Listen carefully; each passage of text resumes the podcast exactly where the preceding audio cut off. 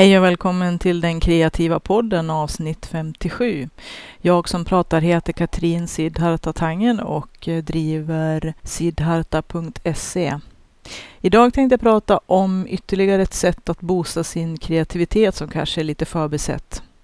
Liksom med föregående avsnitt Eh, förrförra förra avsnittet som handlade om dagdrömmar och drömmar som är ganska slumpartade och oförutsägbara, många gånger i alla fall. Även om att eh, en del drömmar är ju tråkigt nog väldigt förutsägbara eftersom att det är utslag av stress och saker som ligger och puttrar under ytan och sådana drömmar stressdrömmar och sådana här som bara går runt, runt. De har man ju upplevt ganska många gånger och man vet vad de beror på. Och de är ju inte så himla för oförutsägbara. Men ironiskt nog, eller av en lycklig slump, hur man nu vill se det, så hittade jag det här, äh, den här lilla artikeln eller texten som handlade om vikten av att titta ut genom ett fönster som jag nämnde då i det förrförra avsnittet som handlade om att, eh, vikten av att drömma och dagdrömma. Men det är ju lite för sent nu. Jag får ta det kanske i något senare avsnitt. Idag tänkte jag prata om slumpen och eh, för att ehm, starta lite spännande eller kanske lite oförutsägbart så tänkte jag att eh, vi skulle leka en liten tankelek. Att vi alla har nog någon gång drabbats utav en massa olika typer av slump slumpar. Jag vet inte om man kan säga så. Då handlar det väl mer om en, någonting som har blivit över, en liten, en liten rest som man brukar kalla för slumpar. Men vi har drabbats av en massa olika slump. Och eh, en av dem tror jag många kan ha upplevt. Det är ju hur vi träffade den som kom att bli våran partner.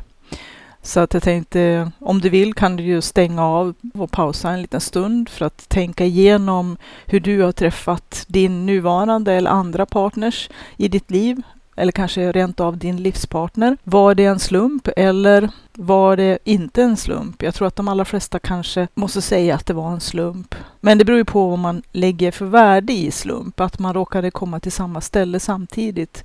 Det är ju ofta en slump. Att man gick på samma fest eller jobbade på samma ställe. Det kan ju vara en slump. Eller så kanske det inte är en slump. Det kanske är en person som man känner väldigt väl och har träffat många gånger. Och eh, att det var bara en tidsfråga det kanske är lite olika. Men eh, fundera på det. Hur träffade du din partner? En annan slump som jag tror många kan identifiera sig med, det är ju hur vi valde utbildning. I alla fall är det så för mig. Det var en ren slump att jag nästan i sista minuten ändrade mig från den tänkta utbildning jag hade tänkt till en helt annan. Det var en stundens ingivelse att uh, välja teknik istället för naturvetenskaplig linje. Det var en eh, lycklig slump tror jag eftersom att eh, teknik trots allt är någonting som jag alltid har varit väldigt fascinerad av och eh, jobbat väldigt intensivt med i massa olika sammanhang. Och det var också genom tekniken som jag träffade min eh, livspartner. Det var en slump. Det var inte alls meningen att han skulle vara på just den arbetsplatsen och utföra just det uppdraget. Det var faktiskt någon helt annan som skulle göra det. Men av en massa olika skäl så blev han dubbad att hoppa in för en kollega och där träffades vi. Även om det tog 11 år innan vi slog våra påsar ihop eftersom att eh, jag var lite långsam i starten. Eller inte mogen för en fast relation. Det beror på hur man ser det. Det är lite olika. Jag är ganska långsam i en del sammanhang i alla fall. Det, här har vi två olika, eh, eller kanske tre olika saker egentligen. Hur man träffade sin partner, hur man valde sin utbildning och hur man kom att börja jobba med det som man började jobba med. För att även det var en slump för mig.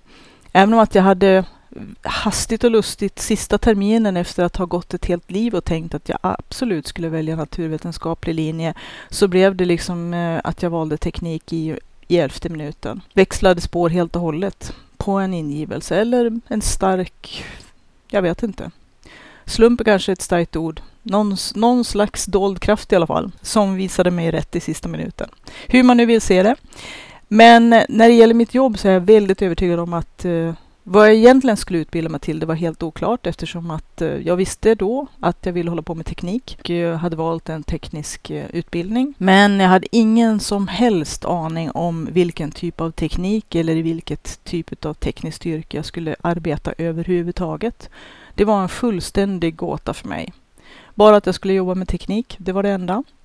Sen kom det att slumpa sig att jag fick sommarjobb på lite olika ställen och ett av de ställen som jag kom till först, där träffade jag en person framför allt, men kanske två, som imponerade så stort på mig så att jag kände att jag vill bli lika bra som dem, eller jag vill kunna det här som de kan. Det var alltså starka förebilder som dök upp helt slumpmässigt eftersom att jag valde ju inte vilken plats jag skulle få eller placeras när jag hade sökt det sommarjobbet eftersom att på den tiden så fördelades sommarjobben utav, ja, man kunde, jag vet inte, jag tror inte man kunde ha önskemål egentligen utan man sökte sommarjobb och de fördelades ut till de som hade antagits att få sommarjobb. Och på den tiden var man ju också tvungen att ha sommarjobb för att få slutbetyg i den utbildning som jag hade valt. I alla fall lång historia kort. Det här med slumpen är ganska spännande och intressant eftersom att i kreativt sammanhang så kan man ju bara gå till hela skapelsen egentligen. Nu blir det de stora greppen här. Hela skapelsen är ju kanske slumpens spel. Det kan vi ju kanske inte riktigt uttala som bombsäkert, men tittar man på evolutionen och hur livet har utvecklats och hur universum utvecklas och hur saker och ting utvecklas hela tiden så är det ju ganska mycket slumpens spel som avgör hur saker och ting kommer att uh, utspela sig och utvecklas. Nu tänkte jag inte fördjupa mig så mycket i eh, svarta hål och slumpens betydelse för evolution och sånt där, även om att det är jättespännande. Jag nördade in lite grann på det när jag researchade det här avsnittet.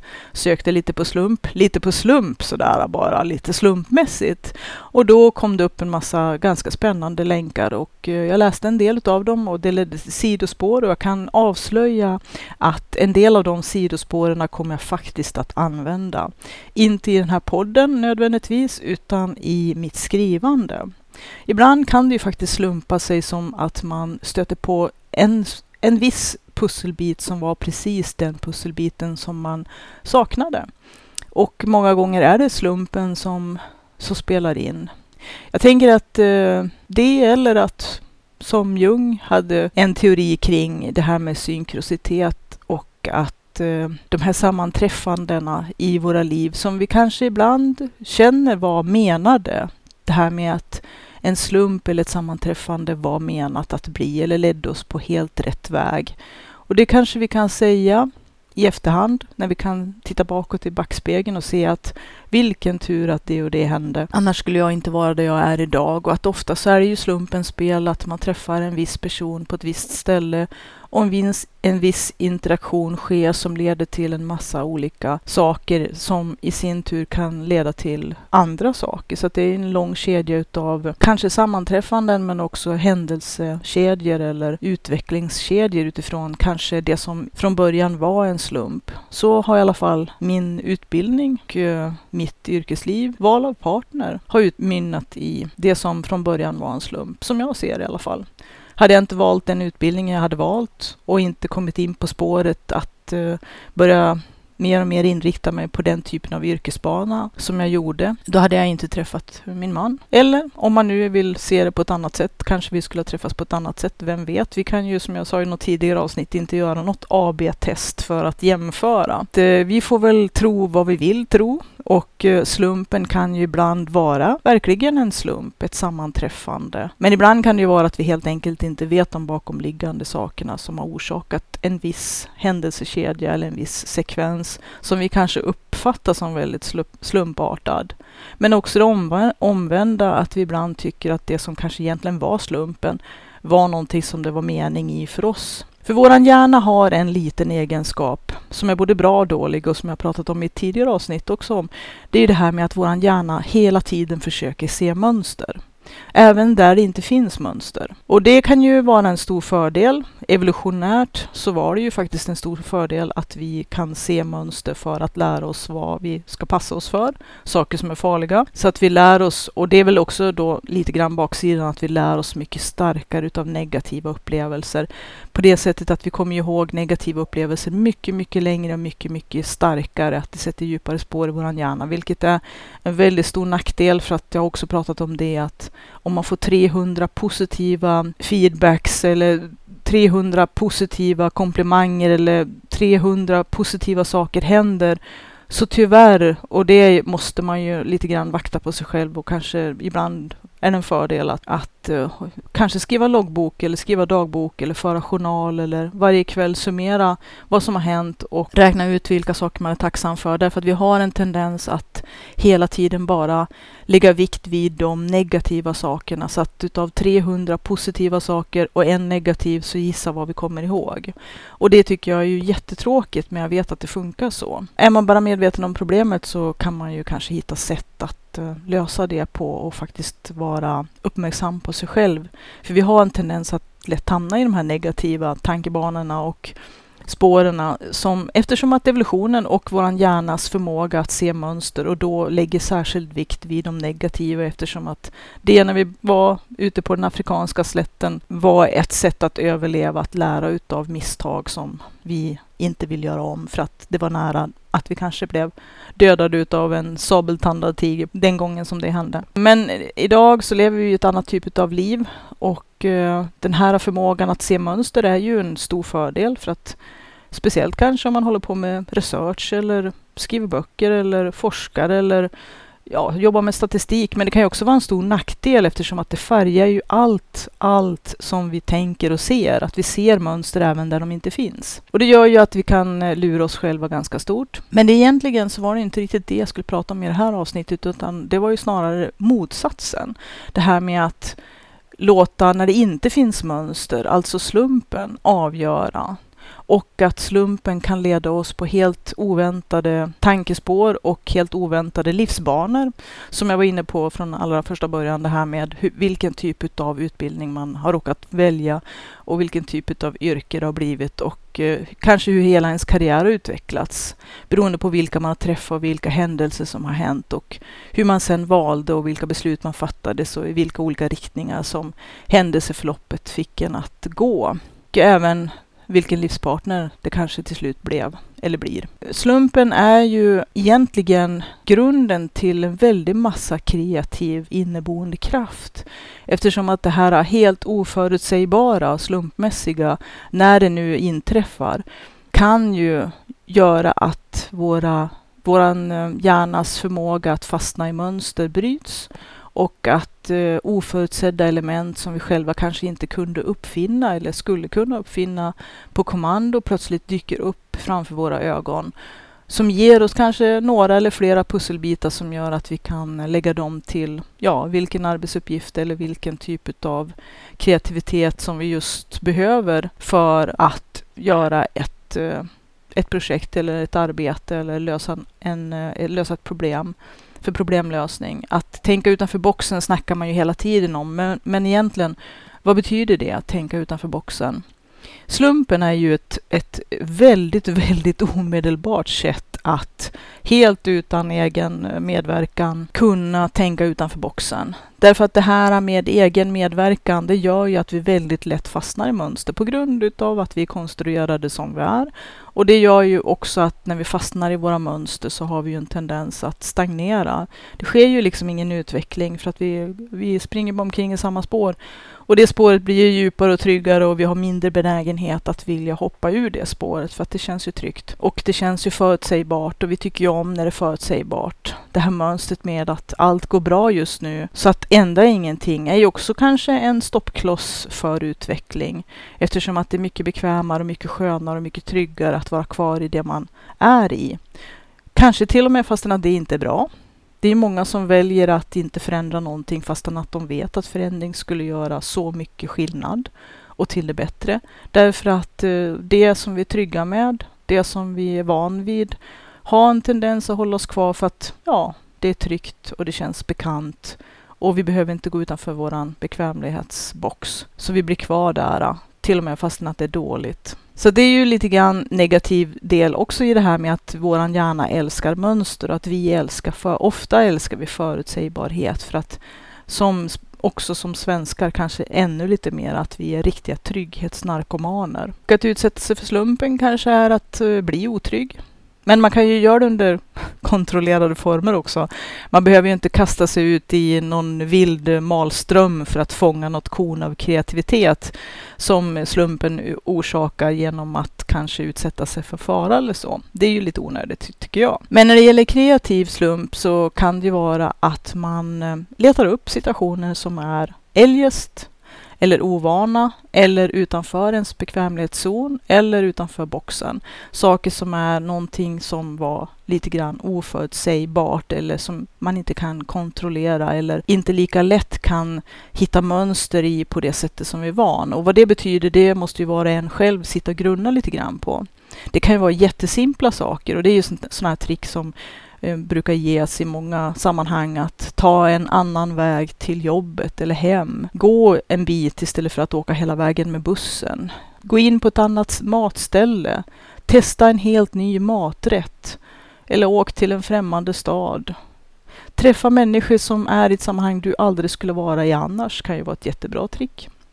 Man kan ju bara kliva in i en miljö eller i en kultur eller uppsöka en förening eller en klubb eller en verksamhet som sysslar med någonting som är helt utanför ens vanliga parametrar. Och man kommer förmodligen att komma därifrån med en massa nya intryck som man aldrig skulle kunna få på något annat sätt. I alla fall inte om man skulle fortsätta i sin vanliga miljö och bara göra de gamla vanliga sakerna. För att om man nu ska vara kreativ så är det ju väldigt svårt att uppfinna nytt att kombinera, som jag pratade om i något tidigare avsnitt, kombinera alla de bitar utav det som man redan kan och vet och som man har som susar runt i ens hjärna och i ens fantasi.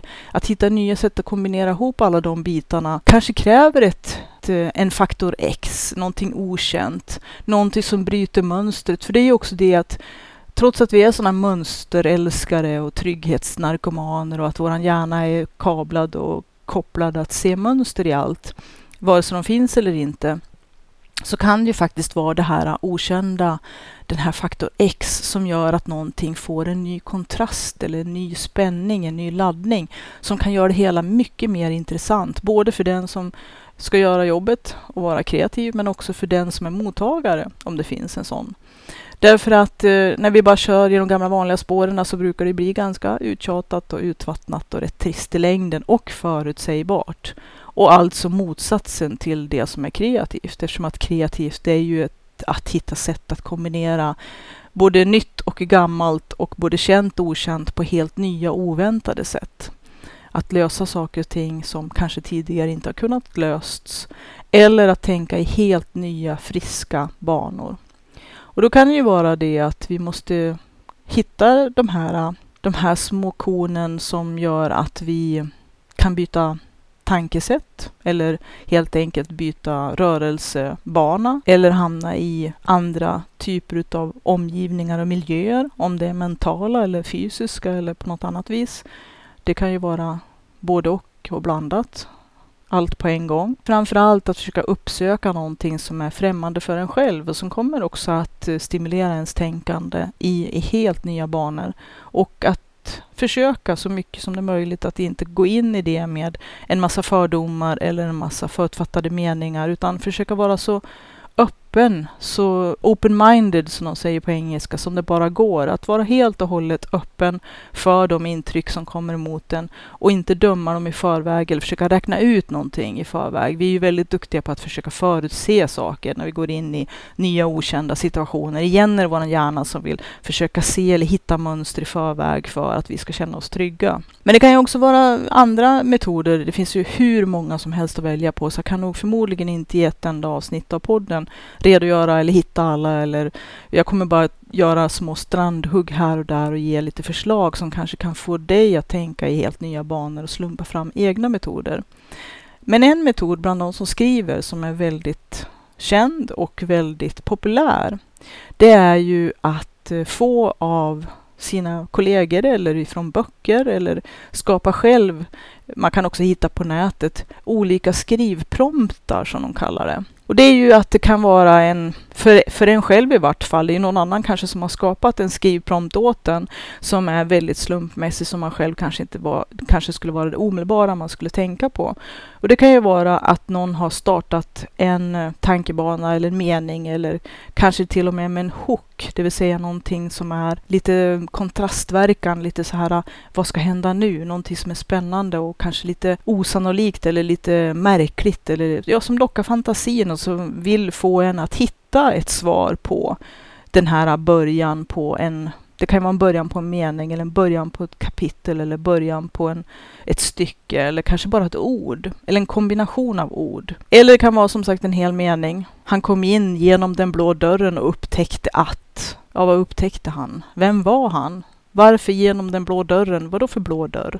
Det finns ju jättemycket frågor som man kanske kan hitta svar på om man bara låter fantasin flyga iväg lite grann. Ett annat sätt som är också ganska känt det är ju att uh, ta med sig en tidning, sätta sig på ett café, läsa i tidningen, nej kanske inte läsa tidningen, men uh, i alla fall inte aktivt titta på folk runt omkring sig utan rör i kaffekoppen och drick några slurkar. Och sen på en, när man själv har bestämt sig, man kan ju räkna neråt från tio eller någonting sånt där, så tittar man bara upp. Och den första människan man ser som passerar förbi, om man tänker sig att man kanske sitter på ett ganska befolkat café eller på ett bibliotek eller kanske i någon sån här galleria, något köpcenter eller sådär, där det finns mycket folk. Så första människan som passerar framför en som man får blicken på iakttar man och den korta stund som den personen passerar förbi så försöker man registrera så mycket detaljer om den här personen. Vad de har för kön och ålder, hårfärg och eh,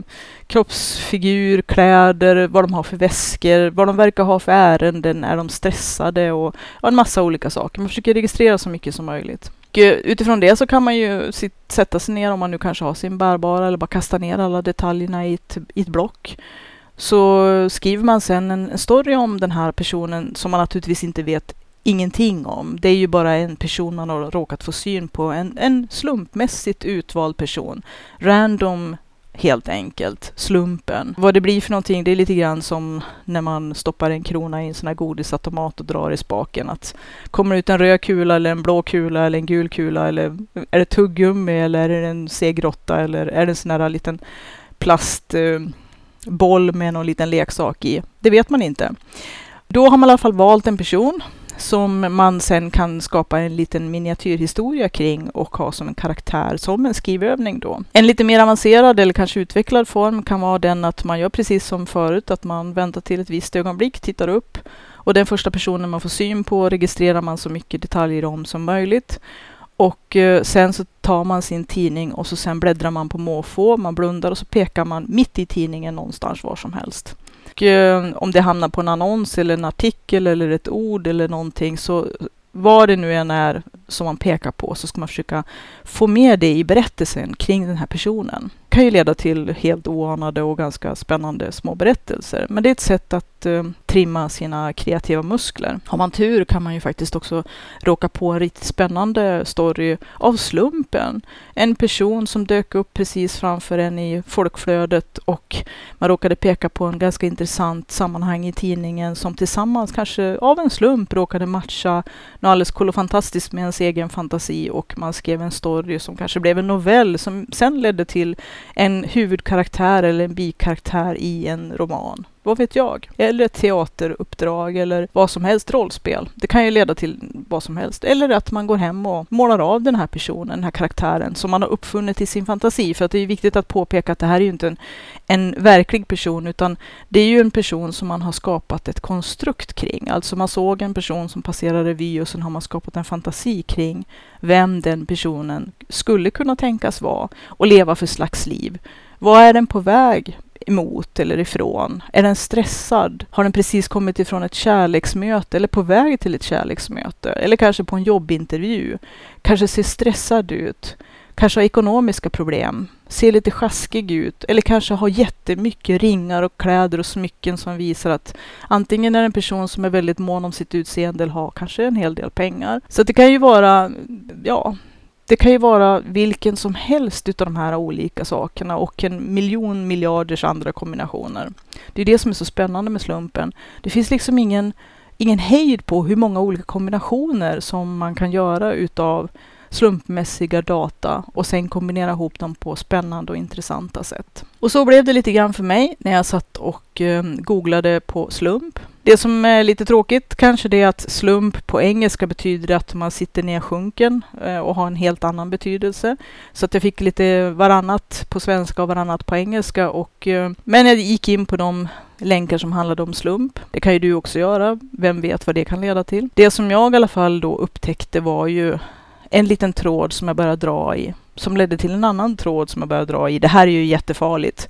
Researchsjukan, alltså man kan ju fastna i att researcha tills man, eh, ja, tills man ramlar omkull alltså. Och man har kanske inte fått så mycket arbete gjort. Så här får man ju nog passa sig lite grann ungefär som med, eh, med att surfa på, på internet överhuvudtaget, att det kan ju lätt vara där kan det ju stjäla väldigt mycket tid och så väldigt många timmar rusa förbi och det har ju varit kul hela vägen men kanske inte ledde till precis att man fick någonting gjort så man får väl hålla sig lite grann i tyglarna och det fick jag göra idag också även om att jag nog lite grann kanske höll på lite längre än vad jag skulle med tanke på att jag skulle bara lite snabbt kolla upp det här med slump.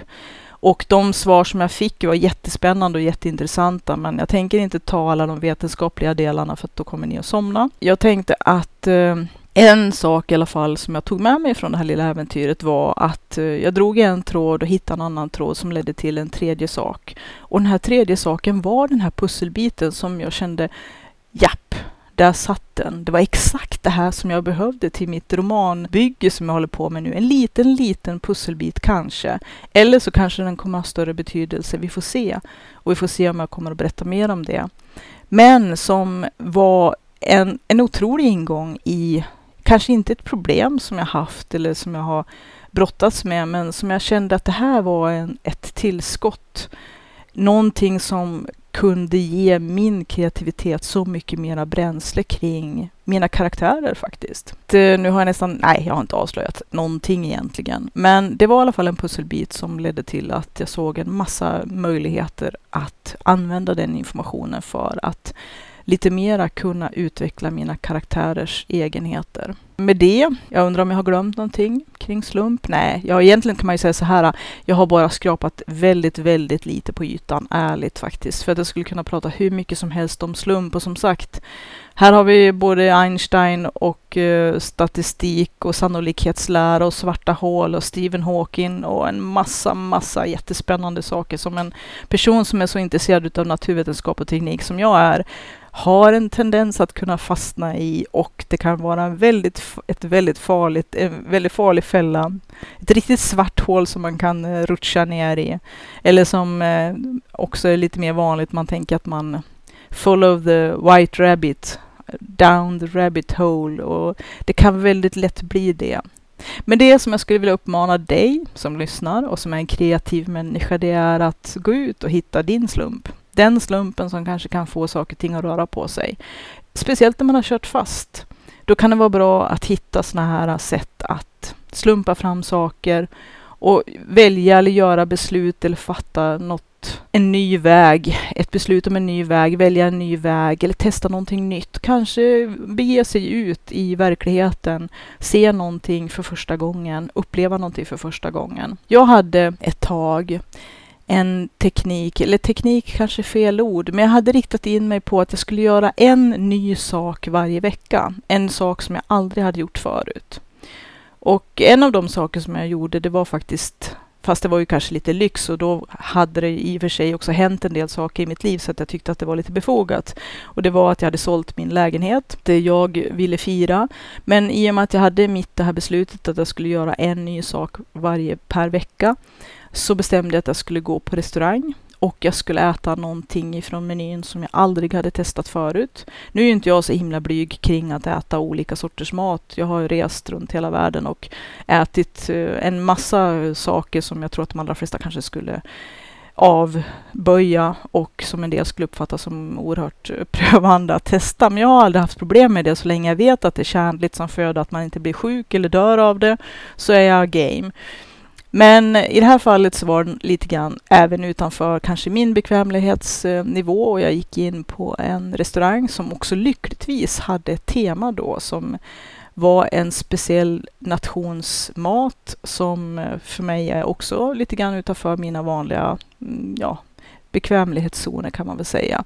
Och jag var, hade ju som sagt sålt en lägenhet och beslutade att köra all in. Så att eh, jag beställde en trerättersmeny och valde saker som jag aldrig, aldrig någonsin skulle, tror jag, välja frivilligt, det är kanske är ett starkt ord, men jag skulle nog välja en hel massa andra saker före de här grejerna som var lite så här, ah, det här är lite, lite too much för mig som ändå annars inte är så där speciellt kräsen kring mat. Jag testade menyn, fick instruktioner hur man skulle äta vissa utav sakerna och det var en helt fantastisk måltid. Alldeles själv också. Därför att jag hade beslutat mig för att lite grann som de här konstnärsdejtarna som jag pratade om förut, som eh, Julia Cameron beskriver i sina böcker, att en gång i veckan ta sig själv ut på en konstnärsdejt. Och det här är lite grann samma sak. Men hon menar på att strikt att man ska göra den själv, för att det är faktiskt en dejt med sig själv och ens kreativitet. Och att eh, det är väldigt lätt att när man har sällskap så kommer fokus att hamna någon annanstans. Dels kring att man vill naturligtvis att ens medföljare eller sällskap ska ha det trevligt och att det blir kanske mycket sällskapsspel och eh, samtal som kanske liksom kommer bort ifrån upplevelsen och det som kan vara det här kreativa, det här som ska fylla på ens kreativa källa. Men en konstnärsdejt ska helst vara någonting som stimulerar ens kreativitet. Och det behöver inte absolut, absolut inte vara någonting som är första gången man gör det eller någonting jättenytt som kanske prövar en svårt eller utsätter en eller kanske att man måste gå till någonting som man aldrig har testat förut. Inte nödvändigtvis. Det kan ju vara att man till och med går till samma saker flera gånger om som man känner verkligen fyller på ens kreativa källa. Men i det här fallet så vart det lite grann utav en konstnärsdejt också. Jag gick själv, jag hade hela upplevelsen. Jag kunde gå in i den helt och hållet utan att ha distraktion av sällskap eller känna mig tvungen att socialisera med mera än de som arbetade på den här restaurangen och som, som jag sa, måste hjälpa mig med vissa saker för att jag skulle veta hur man skulle äta en del grejer på ett vettigt sätt. Det var ganska spännande. Jag tänker inte avslöja vad det var, därför att det förlorar lite mysti mystiken och jag tänker att du får gå ut på din egen konstnärsdate. Det behöver inte vara att gå på restaurang, men att göra någonting helt nytt som du aldrig har testat. En sak som jag aldrig, aldrig, aldrig har gjort i hela mitt liv och jag vet inte om jag kommer att göra det heller, men som jag vet att jag aldrig har gjort någon gång, det är att jag aldrig har spelat bowling. Och jag har aldrig provat shuffleboard heller för den delen. Så det finns väldigt mycket saker som jag aldrig har testat. Fastän att jag har sysslat med drakflygning och en hel del andra ganska obskyra saker som väldigt få annars har testat. Ja, min nästa konstnärsdate kanske skulle vara att bowla. Inte vet jag. Hur ser det ut på en bowlingarena eller en bowlingbana? Kanske finns jättemycket spännande iakttagelser hur den typen av eh, samspel funkar. Att man går dit själv och iakttar alla som spelar och hur det hela går till. Jag har ingen aning. Jag vet bara att man har speciella typer av skor på sig och ganska stora klot och att man ska slå ner käglor. Det är väl ungefär vad jag vet. I alla fall, den här äh, restaurangvistelsen utsatte mig för någonting utanför boxen, utanför mina bekvämlighetszoner och eh, jag hade en fantastisk upplevelse. Även om jag inte hade tyckt om maten så hade det ändå varit en fantastisk upplevelse som hade lärt mig en hel massa nytt. Jag hade fått sett en hel massa nyss, nytt och upplevt en massa nytt som jag kan ta med mig och som jag har tagit med mig. Så det var en fantastisk upplevelse nu var ju maten jättegod också. Det var ju faktiskt en bonus. Mitt tips, att uppsöka slumpen för att eh, låta det okända kanske ge en nya inputs, lite ny, nytt material och att inte vara rädd för det oväntade och det okända trots att vi faktiskt tyvärr är lite för rädda för det okända och det som är oväntat. Vi vill ha våran trygghet att kunna veta i förväg. De flesta av oss, inte alla. Och att vårt mönster eller vårat vår, våran egenhet att hela tiden våran hjärna letar efter mönster ibland kan fälla krokben på oss. Men vet man bara om det så kan man ju använda det till sin fördel också. Att slumpa fram intryck eller tankar eller ord eller symboler genom en metod som jag har utvecklat inbillar jag mig. Fast eh, faktiskt min son, han gjorde precis på samma sätt när han började skriva egna små berättelser. Han har väl lite författarskap i sig och skriver faktiskt fantastiskt trevliga små berättelser och som jag också sa till honom vid ett tillfälle när jag läste en av hans lite längre berättelser för några år sedan, när han faktiskt inte var så gammal, att han hade greppat helt intuitivt det som väldigt många som försöker skriva och författa ofta missar och det är det att det måste finnas ett problem eller en, en dramakurva. Och det hade han faktiskt prickat in väldigt precis i sin berättelse. Att det var saker som hände som inte gick så bra och sen blev det värre. Och det är ungefär så som oftast en berättelse måste fungera för att det ska finnas något intressant att, att berätta. Det som han också gjorde, som jag tyckte var fascinerande eftersom att det liknade mitt arbetssätt väldigt mycket, även om att han gjorde på ett helt annat sätt. Jag samlar ju väldigt mycket bilder i och med att jag är en bildmänniska. Och dels så fotograferar jag ju fruktansvärt mycket så att jag har ju en enorm eh, bildbank alldeles på egen hand. Men också att jag brukar spara ner en hel del bilder som jag tycker är intressanta och som lockar min fantasi eller som ger vissa informationsbitar kring någon karaktär eller någon plats eller någonting som jag vill skriva om. Men min son, han eh, helt radikalt, vilket jag tycker var ganska så spännande att få se sådär vid ringside. Han skrev sökord i Google och gick in på bildfliken och eh, alla de bilder som dök upp använde han aktivt i sitt berättande. Alltså, han använde bilderna för att eh, få inspiration och information och uppslag till just den story som han precis höll på och skrev. Så han skrev in ord som eh, han tyckte var nyckelord i den storyn som han ville berätta. Så att till exempel för att ta något som man kan eh, lätt greppa att om han skulle skriva en berättelse om drakar till exempel så skriver han drake eller drakar i Google och tittar på bilderna.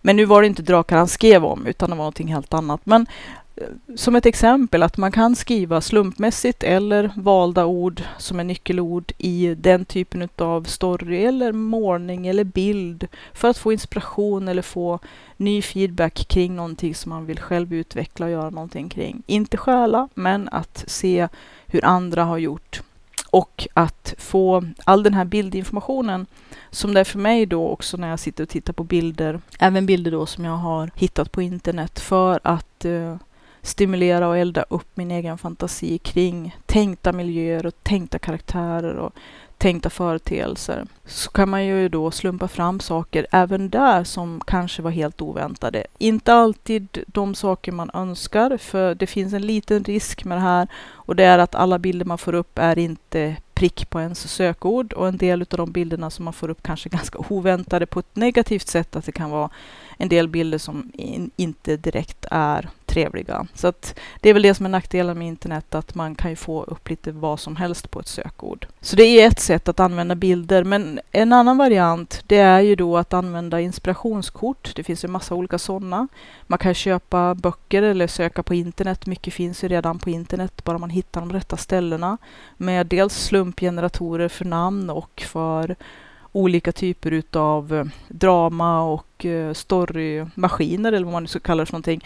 Eh, plot devices. Det finns ganska mycket sånt i alla fall inom fantasy och science fiction-genren där man kan hitta dels namngeneratorer och och, eh, men också en massa olika såna plot devices, alltså hur man ska kunna utveckla den story man håller på och skriver.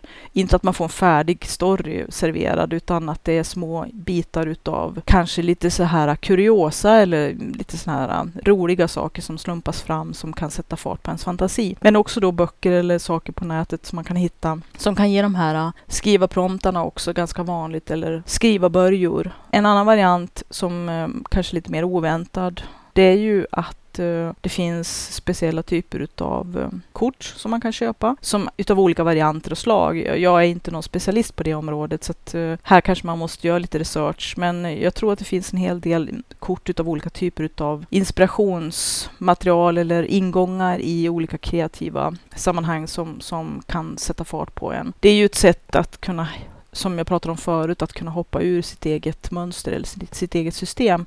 Att kunna liksom få upp ett kort som kan slumpa fram någonting i ens eh, kreativa fantasi eller få ens eh, kugghjul att eh, kugga i på ett helt nytt sätt och sådär. Det kan ju också vara att man drar kort i en kortlek, en helt vanlig kortlek. Men det finns också tarotkort som eh, finns i massvis med olika varianter och eh, med olika teman och sådär. Det finns alltifrån med vampyrer och eh, steampunk och eh, medeltida och ehm, fantasy och ja, ganska så många olika sorter. Det finns med djur och det finns med, ja, jag vet inte, änglar. Det finns massvis. Jag har inte forskat så mycket på det området heller, men Tarotkort kan ha ju den fördelen att många av de som är lite mer arbetade, de har ju otroligt mycket figurer och oftast vältecknade om man hittar rätt sort, som kan också vara väldigt stimulerande för fantasin. Inte för att lägga en tarot och kanske spå i kort, utan för att bara ta kanske kort på slump och eh, låta det kortet kanske leda in en på olika nya tankebanor eller kanske ge en möjlighet att titta på bilderna och låta hjärnan göra sitt. För att eh, igen, kanske det här med att mönster igenkänningen och att vår hjärna letar efter mönster i det sammanhang vi är så kan vi faktiskt då kanske till exempel om man skriver en roman, fläta in någonting som man har sett när man har dragit ett tarotkort. Det kan vara, de är ju oftast fyllda med färger och, och figurer och framförallt symboler som kan sätta igång tankeverksamheten. Som man då kan eh, inlämna i sitt eget tänk och sin egen kreativitet eller i den story eller i det sammanhang som man är i. Jag använder ofta tarotkort för att eh, besluta mig om vilka färger jag ska välja till ett smycke eller kanske inriktningen på ett smycke. Att om jag då drar ja, om man ska ta något exempel, en figur som kanske är väldigt mycket målad i röda och gula nyanser och kanske är lite mera passion och kanske hetta och kanske stark, starka känslor, kärlek och sådär. Som jag tolkar i alla fall i, om jag drar den, det kortet. Så försöka göra ett smycke som kan representera det, den känslan som jag fick när jag drog kortet. Så jag har några olika tarotkort som jag drar, även om att jag inte är så djupt försjunken i hur de tolkas och hur de ska användas annars. Egentligen så användes ju tarotkort från början i alla fall och kanske fortfarande som spelkort. Att det är ju som en kortlek vilken som helst. Fast det är lite mera kort än en vanlig traditionell kortlek för oss brukar ha 52 kort och en tarotlek har oftast 78 kort.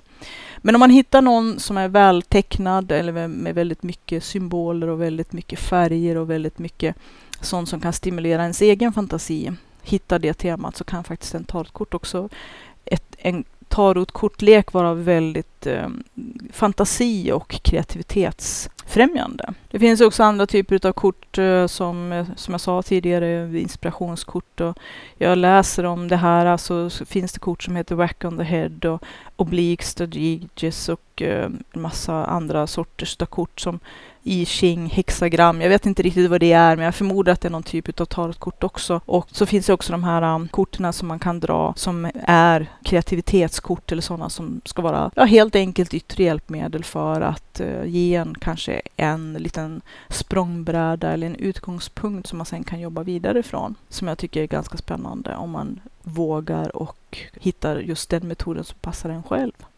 Så med det, skulle jag vilja runda av det här och ehm, tacka för att du har lyssnat. Hoppas att du har haft behållning och nytta av det här och att du återkommer till nästa avsnitt och eh, kanske lyssna på de tidigare avsnitten också. Titta gärna in på www.sidharta.se. Jag som pratar heter Katrin Sidharta Tangen och jag finns också på Patreon så att eh, om man går in på Patreon slash Sidis så kommer man till min Patreon-sida där man kan bli Patreon.